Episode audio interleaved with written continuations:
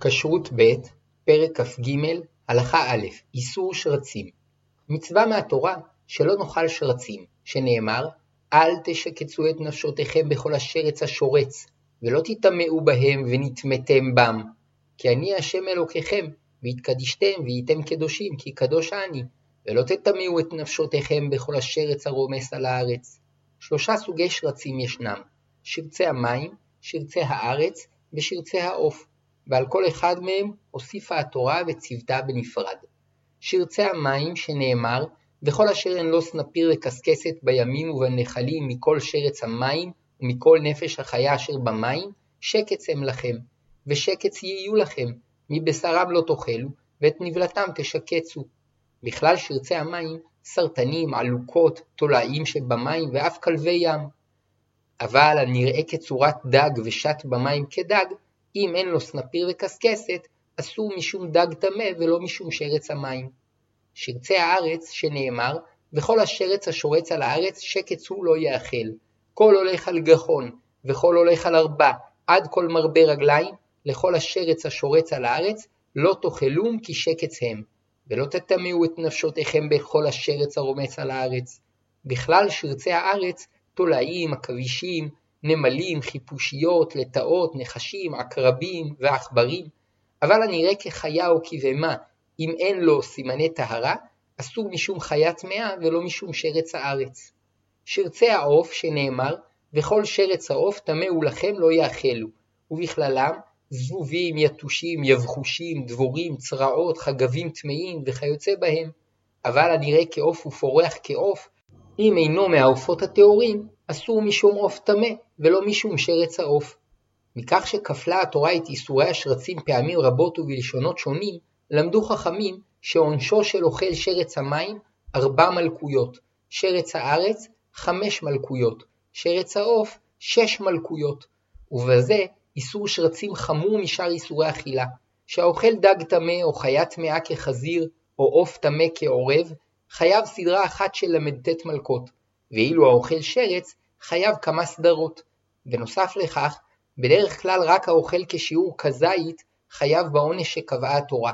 אולם בשרץ יש חומרה מיוחדת, שהואיל ומדובר בבריאה שלמה, כל האוכל אפילו שרץ קטן, חייב בעונש שקבעה התורה. כשרות ב', פרק כ"ג, הלכה ב', המצווה להתרחק ממיאוס. מצווה נוספת למדנו מאיסור שרצים, שאסור לאדם לעשות דברים מגעילים ומאוסים, שנאמר אל תשקצו את נפשותיכם.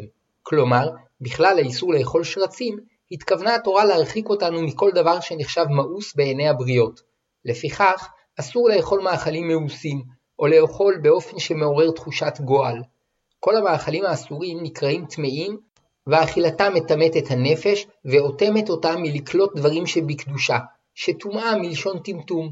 הטומאה שבאיסור שרצים חמורה במיוחד, שנאמר אל תשקצו את נפשותיכם בכל השרץ השורץ, ולא תטמאו בהם ונטמאתם בם, כי אני השם אלוקיכם, והתקדישתם והייתם קדושים, כי קדוש אני, ולא תטמאו את נפשותיכם בכל השרץ הרומס על הארץ, כי אני השם המעלה אתכם מארץ מצרים להיות לכם לאלוהים, והייתם קדושים, כי קדוש אני. אמרו חכמים, אמר הקדוש ברוך הוא, אלמלא העליתי את ישראל ממצרים אלא בשביל דבר זה, שאין מטמאים בשרצים, דיי, מפני שאכילת שרצים מאוסה ביותר, שהם גדלים במקומות מזוהמים, ושריצתם מגעילה את הנפש, ובהימנעות מאכילתם, העלה השם אותנו מטומאת מצרים, היינו, הטומאה שמביאה את האדם לוותר על ערכיו למען סיפוק תאוות גופו, עד שלשם צבירת ממון ותענוגים, הפכו אנשים בני חורין לעבדים, ולשם סיפוק תאוות גופם, הפרו את ברית הנאמנות שבין איש לאשתו בכל סוגי הניאוף. אפשר לבאר שאצל השרצים לא ניכרת תכונת אופי ייחודית, אלא כל חיוניותם וחריצותם ממוקדת במטרה הגשמית ביותר, השגת אוכל והתרבות. לשם כך הם מזדהמים בכל הדברים המגעילים שבעולם, ובכל מקום שבו יש ריקבון ומוות, שם הם שורצים, ואף את גוויית האדם הם אוכלים. אמנם יש בחיוניות זו צורך קיומי בסיסי, שגם לא יש מקום חשוב בעולם, אולם ישראל קדושים שצריכים להעלות ולרומם את המציאות מטומאת מצרים ולגלות בכל דבר את הערך האלוקי, הצטוו שלא לאכול שרצים שמבטאים את הגשמיות המאוסה. כשרות ב', פרק כ"ג, הלכה ג', האיסור בשרצים שיכולים לשרוץ. שרצי המים האסורים הם שרצים שגדלו במים, בנחלים ובמעיינות, היינו במרחבים שבהם הם יכולים לשרוץ. כלומר, לנוע למקומות גידול נוספים ולהתרבות במספרים עצומים על ידי השגת מזון והעמדת צאצאים למשך דורות.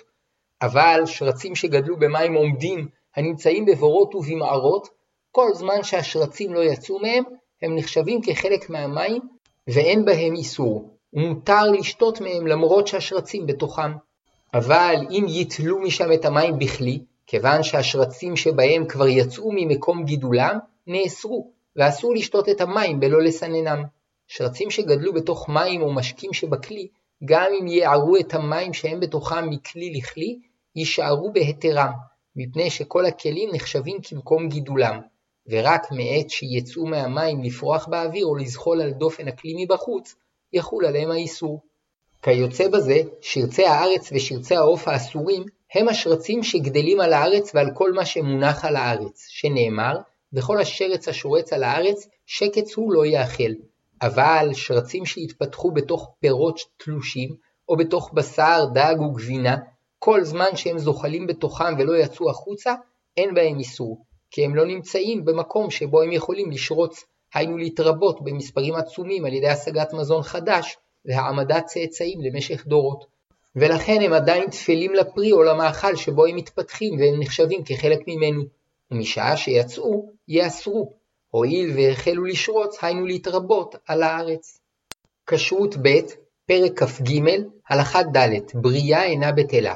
כהמשך להחמרה המיוחדת של התורה, שקבעה שהאוכל שרץ אפילו הוא קטן, חייב מלקות, קבעו חכמים שאם יתערב שרץ במאכל, כל עוד הוא שלם, כיוון שיש לו חשיבות של בריאה, אין הוא בטל. לדעת כמה ראשונים, אמנם בריאה אינה בטלה בשישים, אבל בקרוב ל-1960 היא בטלה, וכתבו כמה מגדולי האחרונים שבשעת הדחק אפשר לסמוך על דעתם. אולם ככלל, נפסק שבריאה אינה בטלה אפילו באלף. לפיכך, אם ראו זבוב נכנס לתוך סיר ענק מלא בתבשיל, ולא הצליחו למוצאו ולהוציאו, כל התבשיל אסור באכילה. אמנם אם יש בתבשיל מרק צלול, אפשר לסננו במסננת שזבוב אינו יכול לעבור בה, והמרק המסונן מותר. וכן אם יש בתבשיל חתיכות בשר או תפוחי אדמה, אפשר להתירן על ידי שטיפה שתסיר את הזבוב במידה והיה דבוק בהן. אבל התערובת השמיכה והחתיכות שקשה לנקות, אסורות. כיוצא בזה, אם שרץ קטן יתערב בגרגירי חיטה, כל זמן שלא מצאוהו, התערובת אסורה, מפני שאינו מתבטל אפילו באלף. אם נחתך חלק מהשרץ, אפילו חלק קטן כרגל, או שנמעך עד שצורתו השתנתה, כפי שמצוי בעת בישול, אין לו חשיבות בריאה, והוא בטל בשישים.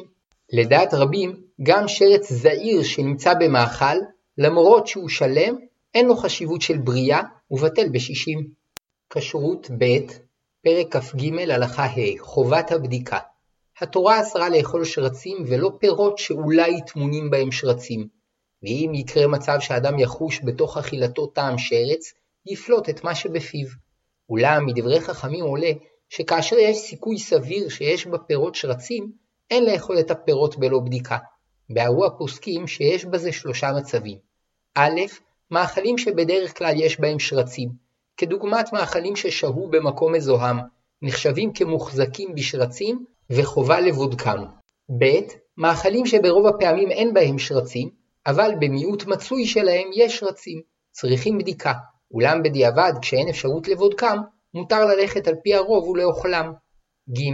מאכלים שבדרך כלל אין בהם שרצים, למרות שלעיתים יש בהם שרצים, מותר לאכול בלא בדיקה, וכך הוא מצבם של רוב המאכלים, הפירות והירקות שבידינו, שרק במיעוט שאינו מצוי שלהם יש שרצים. אמנם אם ראו בהם סימני ריקבון או כורים או נקבים, עלו למדרגת מוחזקים בשרצים וחובה לבודקם. רובם המכריע של הפוסקים לא הגדירו מהו מיעוט המצוי, ולא קבעו מהי היחידה שלפיה קובעים רוב ומיעוט, הרי שהתכוונו לתת את הדבר ביד כל אדם, שלפי מה שהוא מכיר ומבין, יחליט באיזה רמה של חשש נמצא המאכל שלפניו. ואף שכמה פוסקים ניסו להגדיר באופן חלקי את מושג מיעוט המצוי, בפועל לא נתנו הגדרה שניתן לקבוע על פיה את מעמד כל המאכלים, שכן שכיחות השרצים אינה תלויה רק בסוג המאכל, אלא גם בתנאי גידולו ואחסונו. כאשר מגדלים את הירק ומאחסנים אותו בתנאי חום ולחות, השרצים מתרבים, ובתנאי קור מתמעטים, עד מצב שאינם מסוגלים להתפתח. כמו כן, ככל שמשך אחסון המאכל מתארך והמקום מלוכלך, הסיכוי שיתרבו בו שרצים גדול יותר, הרי שאין אפשרות לקבוע את חובת הבדיקה לפי מין המאכל או עונת השנה. לפיכך, מוכרחים לומר שהאחריות לקביעת מעמד המאכל תלויה בתודעתו של האדם, כל אדם לפי מה שהוא, ובהתאם לרמות שלמדנו לעיל, יקבע אם חלה עליו חובת בדיקה. אמנם גופי כשרות צריכים לקבוע הגדרות ברורות יותר, כפי שיבואר בהערה. מאכל שידוע כאינו מוחזק בשרצים, ונמצאו בו שלושה שרצים, נעשה כל המאכל שבאותו הכלי או האריזה כמוחזק בשרצים, ואסור לאוכלו בלא בדיקה. כשרות ב', פרק כ"ג, הלכה ו', המחלוקת בדין שרצים זעירים. מוסכם שאין צריך לבדוק אחר שרצים זעירים שעין אדם אינה יכולה לראות, שכן התורה ציוותה את האדם לפי יכולת ראייתו הטבעית.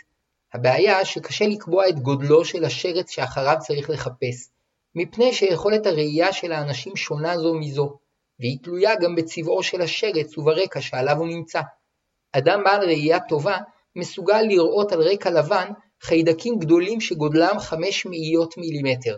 אולם כאשר צבע השרץ דומה לרקע עליו הוא נמצא, גם אם יהיה גדול פי עשרה לא יצליח לראותו, ורק מומחים לכך ייתכן שיצליחו לראותו.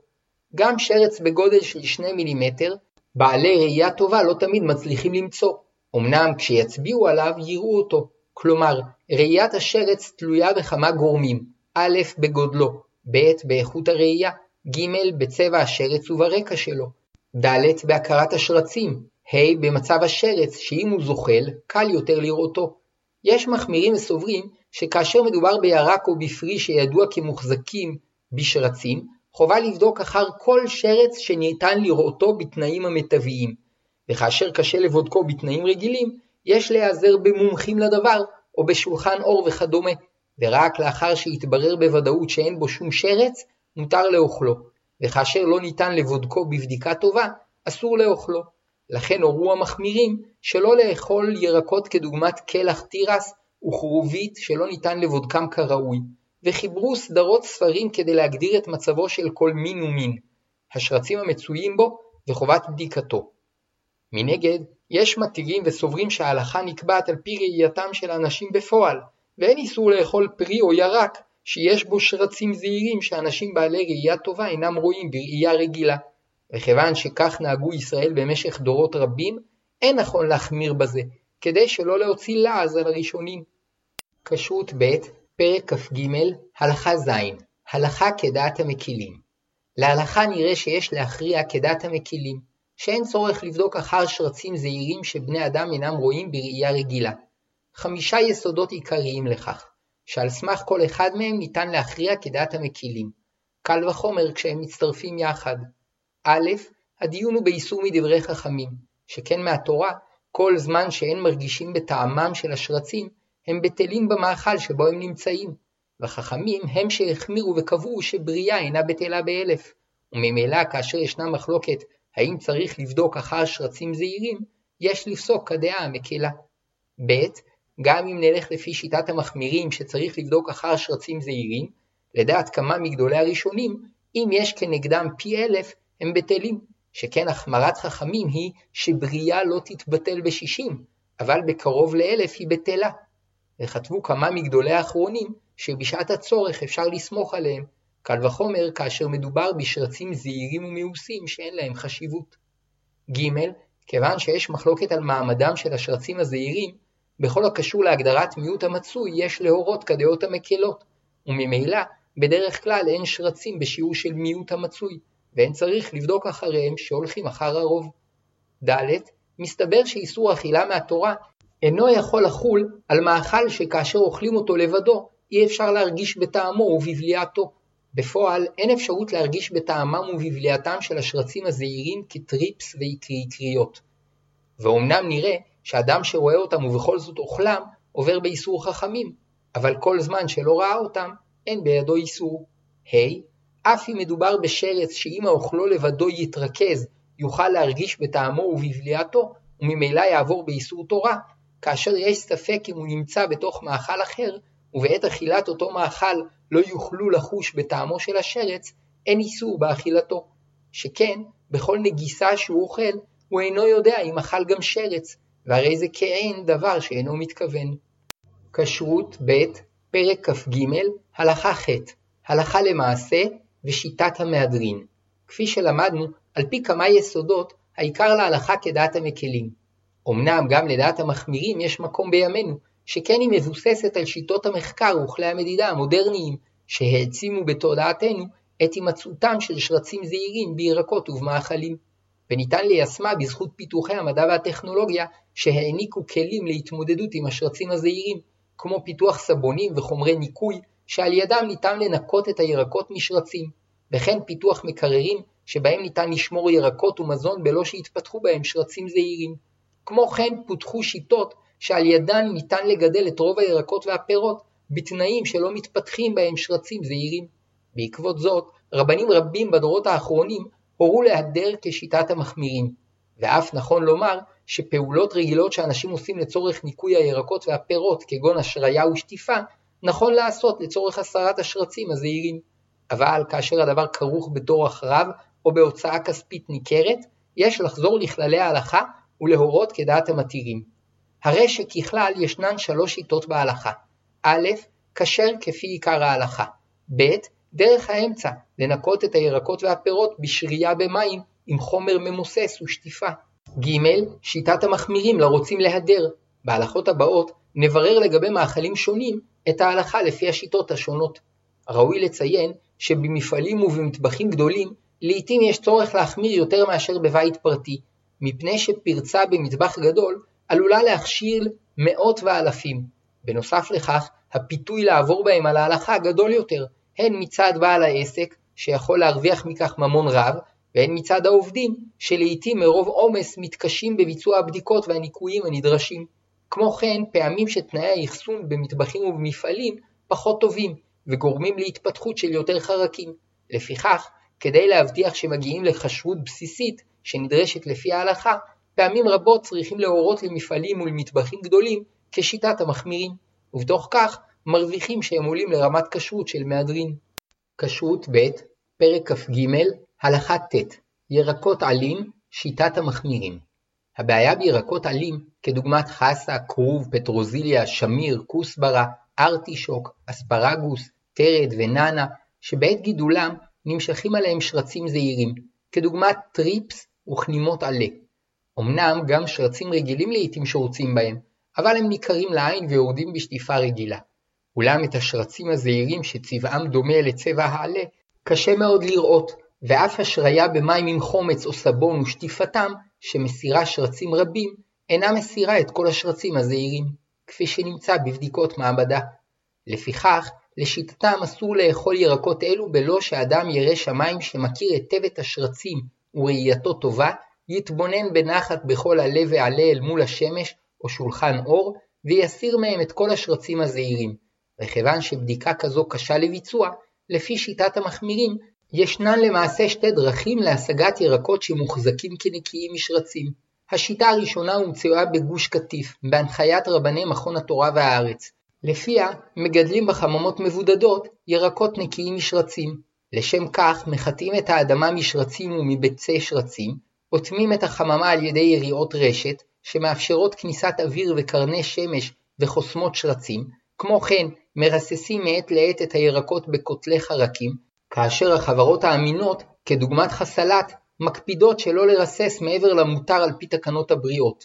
למרות כל אמצעי הזהירות וההשקעה המרובה, ובמידה מסוימת בגלל הגבלות הריסוס, לעתים שרצים מצליחים לחדור לחממה ולהתרבות בה בשיעור של מיעוט המצוי, וכל היבול מאבד את חזקת היותו נקי משרצים זעירים לפי שיטת המחמירים. לכן מחיר ירקות אלו גבוה בהרבה ממחיר הירקות הרגילים. השיטה השנייה, גידול הירקות במקומות קרים, כך שבכל משך גידולם החום לא יעלה ליותר מ-14 מעלות. באקלים כזה, השרצים אינם מתרבים, והירקות בחזקת נקיים משרצים. שיטה זו נוחה לשימוש בחוץ לארץ במקומות קרים, אולם בארץ אין מקומות קרים כל כך, ואף על פי כן, עם ריסוס מבוקר, מצליחים לגדל בחורף ירקות בשטחים פתוחים עם מעט מאוד שרצים זעירים, ועל ידי שטיפת הירקות מצליחים להגיע למצב שהסיכוי שיהיו בירקות שרצים נמוך, עד שגם לשיטת רוב המחמירים, הירקות בחזקת נקיים משרצים. כשרות ב' פרק כ"ג הלכה י' ההלכה ודרך האמצע בירקות עלים. לפי עיקר ההלכה, אפשר להסתפק בשטיפה טובה של ירקות העלים במים, ולהתבונן בהם במבט רגיל, ואם רואים בהם שרץ להסירו. אולם, כפי שלמדנו, נכון ללכת בדרך האמצע, ולבצע פעולה שבמידה ויש שרצים על העלים, מסתבר שתסיר אותם. לשם כך, יש להשרות את הירקות למשך כארבע דקות במים עם חומר ממוסס כמלח או חומץ, ושטיפתם במים זורמים, כדי שבמידה ויש שרצים על העלים, שרייתם במים עם חומר ממוסס תרופף את הדבק שמחזק את אחיזתם בעלים, ושטיפתם במים תסיר את השרצים מהעלים. פעמים רבות, פעולה זו מסירה את כל השרצים הזעירים, או ממעטת אותם לשיעור של פחות ממיעוט המצוי, ואזי גם לשיטת המחמירים היא מועילה. מצד הסרת השרצים, עדיף להשרות את העלים במים עם סבון, שנמצא יעיל יותר מחומץ וממלח, אולם יש חוששים שהסבון אינו בריא, וישנם חומרים טבעיים כסטרילי, שנמצאו יעילים כסבון ובלא חשש בריאותי. יש לשים לב שגם בעת השריית העלים וגם בעת שטיפתם, המים יגיעו לכל הכפלים והסדקים שבעלים. לפיכך, בירקות כדוגמת חסה, כרוב וארטישוק, צריך לפרק את העלים, כדי שהמים יוכלו להיכנס ביניהם, מפני שלמרות שהחסה והכרוב מגיעים אלינו סגורים, בתחילת גידולם הם פתוחים, ואז השרצים יכולים לחדור לעלים הפנימיים. כאשר מתכוונים לחתוך את העלים לסלט, עדיף לחותכם תחילה לחתיכות הרצויות לסלט, ואחר כך להשרותם ולשוטפם, מפני שככל שהם חתוכים יותר, כך המים מגיעים יותר בקלות לכל המקומות שבהם. לעתים ירקות העלים מאיכות גרועה, ואזי הם מלאים בשרצים קטנים וגדולים שנראים היטב לעין, וכדי לנקותם צריך לשוטפם שוב ושוב עד שיהיו נקיים משרצים. כשרות ב' פרק כ"ג הלכה י"א כרובית וברוקולי יש ירקות שמצויים בהם שרצים זעירים ואין אפשרות להוציא את כולם בשטיפה או בבדיקה. כך המצב בכרובית ובברוקולי שחלק משמעותי מהם הוא תפרחת שבתוכה נחבאים השרצים הזעירים שאין אפשרות לראותם בלא לפרק לגמרי את הפרח ולבדוק במשך זמן רב את כל חלקיו הקטנים. גם השריה במי סבון ושטיפה לא מועילה מספיק, הואיל וזרם המים אינו מגיע בחוזקה למקומות שהם נחבאים בהם, וממילא אינו יכול להסיר את כולם. לדעת המחמירים, הדרך היחידה לאוכלם מגידול רגיל היא לזרוק את התפרחת שהיא כ-40% מהירק, ולאכול את הקלחים הנותרים אחר שטיפה טובה, או לצרוך כרובית וברוקולי שגודלו בתנאים מיוחדים שאין מתפתחים בהם שרצים. אולם כפי שלמדנו, על פי כללי ההלכה, אין צריך לבדוק אחר השרצים הזעירים, אלא די לשוטפם היטב, וכל זמן שאין רואים בהם שרצים, מותר לאוכלם, ונכון יותר להשרותם במים עם חומר ממוסס למשך כארבע דקות, ולשוטפם היטב בזרם מים. אמנם שלא כמו בחסה ושאר ירקות עלים, שפעמים רבות אחר השריה ושטיפה אין בהם שרצים זעירים, או שהם פחות משיעור מיעוט המצוי, בכרובית ובברוקולי, השריה ושטיפה אינה מצליחה להגיע לתוצאות טובות כאלה. אמנם כיוון שמבשלים את הכרובית והברוקולי, ולעיתים השרץ נימוח בבישול ויורד ממדרגת בריאה, אפשר להחשיב זאת כדרך האמצע. כשרות ב' פרק כ"ג הלכה י"ב קלחי תירס, תות שדה ובצל ירוק. קלחי תירס לדעת המחמירים, אסור לאכול את הגרעינים בעודם על הקלח, הואיל ולעיתים נחבאים ביניהם שרצים זעירים, טריפס, והדרך היחידה לאוכלם מגידול רגיל, לחתוך את גרעיני התירס מהקלח, ולשוטפם כדי להבטיח שאין ביניהם שרצים זעירים. אולם לפי כללי ההלכה וגם לפי דרך האמצע, כיוון שאדם רגיל אינו רואה אותם, בספק אם הם נמצאים, ובנוסף לכך הם עוברים בישול, מספיק לשטוף את הקלח. עלה בצל ירוק וקרטה. לדעת המחמירים, יש לחתוך כל עלה לשניים, להשרותו במים עם סבון, ולשוטפו תוך שפשופו לכל אורכו, מפני שרצים זעירים שלעיתים מצויים בו. ולפי כללי ההלכה, אין לחשוש לשרצים הזעירים שאדם רגיל אינו רואה, ולדרך האמצע יש לחתוך כשלושה סנטימטרים ממקום החיבור שבין הבצל לעלה ולזורקו, שבאזור זה החשש גדול יותר, ואת שאר העלים לפרק ולהשרות במים עם חומר ממוסס ולשטוף, בלא לחתוך כל עלה לשניים. בתות שדה ישנן לעיתים עיקריות זעירות, שקוטרן כשליש מילימטר, הנחבאות בגומות הגרעינים הזעירים שעל קליפתם. לדעת המחמירים, אסור לאכול תותי שדה מגידול רגיל, אלא אם כן מקלפים את קליפתם, או משרים אותם במים עם חומר ממוסס, ושוטפים אותם תוך הברשה יסודית של קליפתם.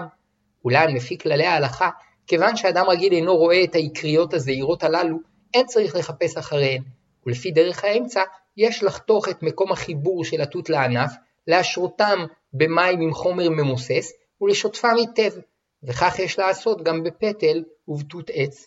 כשרות ב', פרק כ"ג, הלכה י"ג, פירות עם חשש. ישנם פירות כמו תאנים, גויאבות, תמרים ומשמשים, שלעיתים מצויים בהם שרצים, ולכן לפני אכילתם יש לפותחם ולבודקם. בתאנים טריות ומיובשות צריך להתבונן בתשומת לב, כי לעיתים יש רצים דומים לצורה הפנימית של התאנה, אולם אין לחוש למה שרוב האנשים אינם רואים, וכן בפרי הגויאבה מצויים תולעים, ויש לחתוך אותו לרבעים כדי לבודקו. כמו כן יש לבחון כל פרי שיש בו ריקבון, שמא יש שרצים סביב הריקבון. באגוזים שונים, כמו אגוזי קשיו, לעיתים יש שרצים, והסימן לכך, כורים לבנים או סימני כרסום. לעיתים השרצים רק שורצים סביב לפרי, ואזי אם מסירים את הכורים והאגוז נותר שלם ויפה, אפשר לאוכלו. פירות יבשים באריזות, כמו צימוקים, אם יש בהם כורים או אבקה שהתפוררה מהם, סימן שהם נגועים בשרצים ויש לבודקם היטב, ולעיתים עדיף לזורקם כי בדיקתם קשה. כנימות מגן לעיתים יש על קליפת תפוז ופירות הדר נקודות שחורות שנוצרו על ידי כנימות זעירות 0.2 עד 0.6 מילימטר, שזחלו על הקליפה, קבעו בה את מקומם והפרישו חומר להגן על עצמן. נחלקו הפוסקים בדינן. יש מחמירים וסוברים שהואיל והמעטה של כנימת המגן ניכר לכל, וגם ניתן להבחין בשרץ עצמו בעת שהוא זוחל, חובה על המכינים מאכל מקליפות תפוזים להסירן. וכן כאשר מקלפים תפוז, יש לשים לב שלא יידבקו כנימות לאצבעות ויעברו מהן לתפוז או למאכלים אחרים. ויש מתירים וסוברים שאין לחוש להן, הואיל ובלא שכבת המגן, אדם רגיל לא היה רואה אותן, וגם אם היה רואה, היה סבור שמדובר בלכלוך זעיר, קל וחומר כאשר בפועל רואים נקודה שחורה על הקליפה, ויש ספק אם היא לכלוך או מעטה של כנימת מגן. וגם כאשר יודעים שהנקודה היא מעטה של כנימת מגן, אין זה מחייב שהכנימה עדיין שם, שכן במשך הזמן הזכרים יוצאים לדרכם, והנקבות מתפרקות עד שאינן יכולות להיחשב כבריאה. למעשה, העיקר כדעת המקילים. כשרות ב' פרק כ"ג הלכה י"ד דגן, אורז ומיני קטניות. בדגן, באורז ובמיני קטניות מצויים לפעמים שרצים שהתפתחו בין הגרגירים בהיותם בשדות או במחסנים. ככל שהיבול משובח ומאוחסן במקום נקי וקר למשך זמן קצר, הסיכוי שיהיו בו שרצים פוחת. כיוון שהצרכנים כיום דורשים מוצרים נקיים, תנאי האחסון שופרו וזמן האחסון קוצר, ולכן כאשר קונים מוצרים של חברות אמינות מחנויות נקיות, אין צריך לבודקם משרצים, הואיל והחשש שימצאו בהם שרצים נמוך משיעור מיעוט המצוי לכל הדעות. ורק במקרה שרואים בשקית שינוי שמעורר חשד שאולי שהתה במקום לא נקי או זמן רב מדי, יש לבודקה בדיקה מדגמית. אם המדגם נקי, אין צורך לבדוק את השאר. אם נמצא בו שרץ, יש לבדוק את כל תכולת השקית. כאשר רואים באריזה כורים של אש או פירורים ואבקה, יש סבירות גבוהה שנמצאים בשרצים, ויש לבודקה בדיקה יסודית. כיום חברות המזון מקפידות על ניקיון מוצריהם, והן מוכנות להחליף מוצר שנגוע בשרצים במוצר נקי, וכשאין במוצר צורך דחוף, עדיף להחליפו מאשר לטרוח על בדיקתו.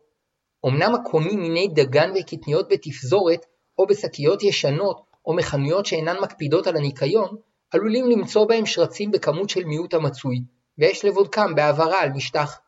חומוס ושעועית שני חששות קיימים בחומוס, בשעועית ובמינים הדומים להם. א', כמו כל מיני דגן, לעתים שורצים ביניהם שרצים. ב. לעתים זבובים ויבחושים מטילים לתוכם ביצים שהתפתחו לזחלים שלבסוף יבקעו את קליפתם החיצונית ויעופו. זחלים אלו נראים כלפי חוץ כעיגול שחור, שכאשר לוחצים משני צדדיו, הזחל נלחץ החוצה ולעיתים אף מתנועע מעט. כיוון שבעודם יבשים לא ניתן לראות את הזחלים, יש להשרותם במים רותחים למשך כחצי שעה, או במים פושרים למשך כשמונה שעות, כדי שקליפתם החיצונית תיעשה שקופה, ויוכלו לבדוק את הגרגירים. כאשר קונים קטניות אלו בשקיות של חברות אמינות שאוחסנו במקומות נקיים, אין צריך לבודקם, הואיל והם בחזקת נקיים, אלא די להסתכל עליהם שהם נקיים כמקובל. אולם אם השקיות שהו זמן רב על המדף, או אוחסנו במקום מלוכלך, או שהם מתוצרת חברות פחות אמינות, או שנקנו בתפזורת, יש לבודקם היטב. כאשר יתעורר ספק לגבי שקית של חברה אמינה, שאולי לא נשמרה כראוי, יש לבדוק ממנה בדיקה מדגמית, ואם נמצא שם שרץ, יש לבדוק את כולה. כשרות ב' פרק כ"ג הלכה ט"ו הקמח והנפה קמח שהתפתחו בו שרצים, כל זמן שלא יצאו מהקמח, אין בהם איסור, שדינם כדין פירות תלושים שהתפתחו בהם שרצים, שכל זמן שלא פרשו מהפרי, אין בהם איסור. אמנם כאשר רואים בקמח שרצים, ויש סבירות שפרשו וחזרו, לדעת רוב הראשונים חוששים שמא פרשו והם אסורים, אלא שנחלקו הפוסקים אם צריך לבדוק סתם קמח שאין רואים בו שרצים. לדעת רבים, מחמת ספק ספקה, אין חובה לבודקו. ספק אחד אולי אין בו שרצים, ספק שני, גם אם יימצאו בו שרצים, אולי לא פרשו ואין בהם איסור. ויש אומרים שהואילו לעיתים מצויים שרצים בקמח וניתן לבודקו ולצאת מהספק, יש לבודקו ולא לסמוך על ספק ספקה. וכן נהגו ישראל לנפות את הקמח, אבל מוסכם על הכל שאם אפו או בישלו קמח לא מנופה, המאפה או התבשיל כשרים. המחמירים דורשים לנפות את הקמח בנפת משי בעלת חורים זעירים של 70 מש, 70 חורים לאינץ' מרובע, מפני שלעיתים ישנם בקמח שרצים זעירים שנקראים קרדיט הקמח, שגודלם מעט יותר מגודל של גרגיר קמח, ורק בנפת משי צפופה ניתן לנפותם.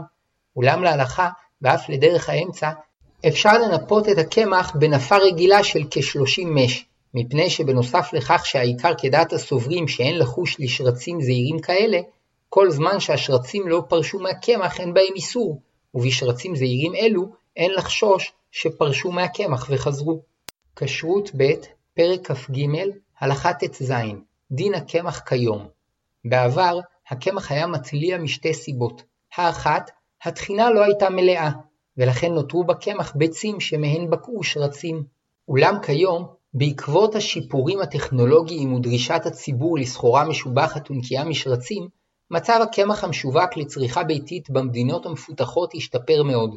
לשם כך, החברות האמינות דואגות שהקמח ייתכן היטב, כך שרוב הביצים יושמדו בתחינה, וכדי להרוס את הנותרות, משתמשים בגז חנקן או מחממים את הקמח.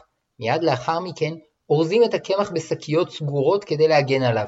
אמנם כאשר משאירים את אריזות הקמח במקומות מלוכלכים או על הארץ או זמן רב על המדף או במחסן, יש סיכוי סביר ששרצים ינקבו את עטיפתו ויטילו בקמח ביצים. לפיכך, הקמח הלבן שמשווק באריזות סגורות על ידי חברות אמינות דרך רשתות וחנויות אחראיות, ואוחסן בבית במקום נקי למשך לא יותר משבועות אחדים, בחזקת נקי משרצים, ואין צריך לנפותו, הואיל וכל המקרים הנדירים שמוצאים בהם שרצים, אינם מגיעים לשיעור של מיעוט המצוי. אמנם בעת ששופכים את הקמח, רצוי להתבונן בו במבט רגיל, כדי לראות שהוא אכן נקי כמקובל. אבל קמח לבן שנקנה בסיטונאות או בשוק, צריך לנפות, וכן צריך לנפות קמח של חברות אמינות שנקנה בחנויות שהסחורה נשארת בהן זמן רב על המדף או במחסן, או שאוחסן במקום מלוכלך או על הארץ. גם בבתי עסק יש לנפות את הקמח, הואיל והם רגילים לקנותו בסיטונאות ובזול, ובדרך כלל אין להם תנאים טובים לאחסנו. גם קמח שידוע כנקי או שעבר ניפוי, אם מונח באוויר פתוח או באריזה פתוחה למשך יממה, וביום חם אפילו כמה שעות, עלול להתליע, ולכן צריך לנפותו. הרוצה להבטיח שהקמח לא יתליע לאחר פתיחת האריזה או הניפוי, יאחסן אותו במקרר. הקונה קמח ממקור שיש לגביו ספק, יבדוק אותו כל עוד הוא מעריך שלעיתים קרובות ימצא בו שרץ. ואם הערכתו תשתנה ויחשוב שרק לעיתים רחוקות ימצא בו שרץ, לא יצטרך יותר לבדוק קמח מאותו מקור.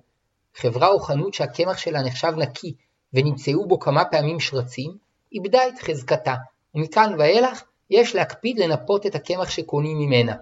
ואם הדבר קרה מפני שבאופן חריג אחסנו את הקמח הזה במקום מועד לפורענות, לא איבדה את חזקתה.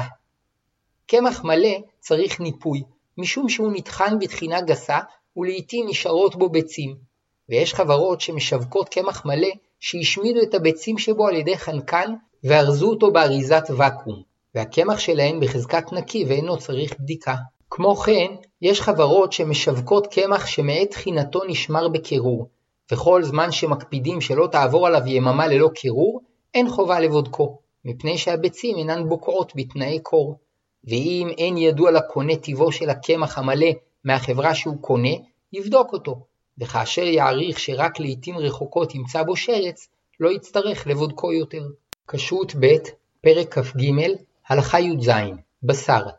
תולעים שמצויות בבשר בהמה או חיה בעודן חיות, או בבשר עוף בעודו חי, אסורות, שאם חדרו מבחוץ, הרי שכבר בהיותן בחוץ נאסרו, כיוון ששרצו על הארץ, ואם התפתחו בבשר, כשם שאסור לאכול מהבשר בלא שחיטה, כך אסור לאכול תולעים שהתפתחו בו.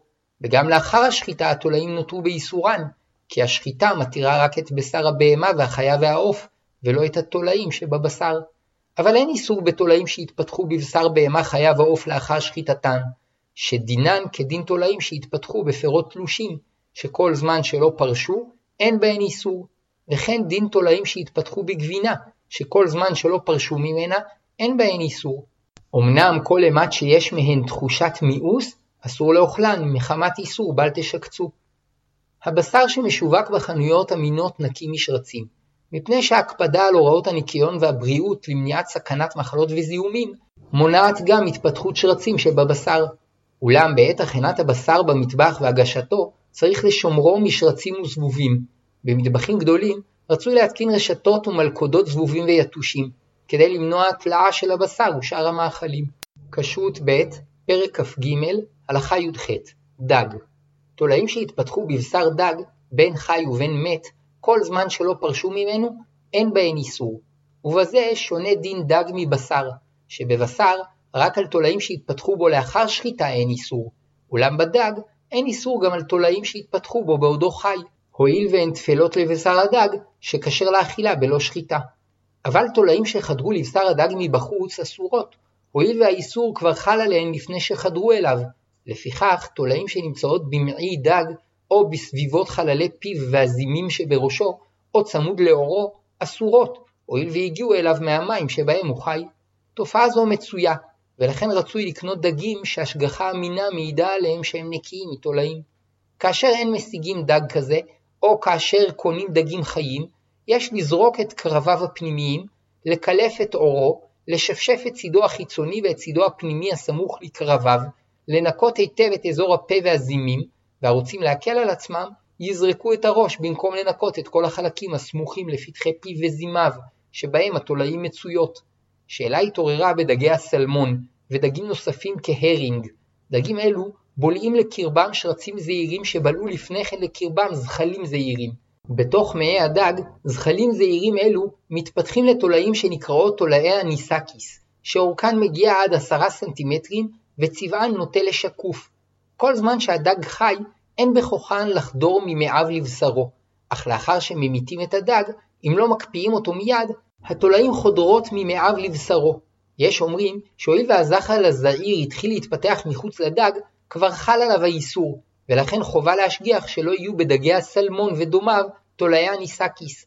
ויש אומרים שהואיל ובעת בליעתו היה זחל זה זעיר, עשירית מילימטר, עד שאדם רגיל גם אם היה פותח את מעי השרץ הקטן שבלע את הזחל הזעיר לא היה יכול להבחין בו, לא חל על זחל זעיר זה האיסור, וממילא דין תולעי הניסקיס כדין תולעים שהתפתחו בבשר הדג, שכל זמן שלא פרשו ממנו, אין בהן איסור.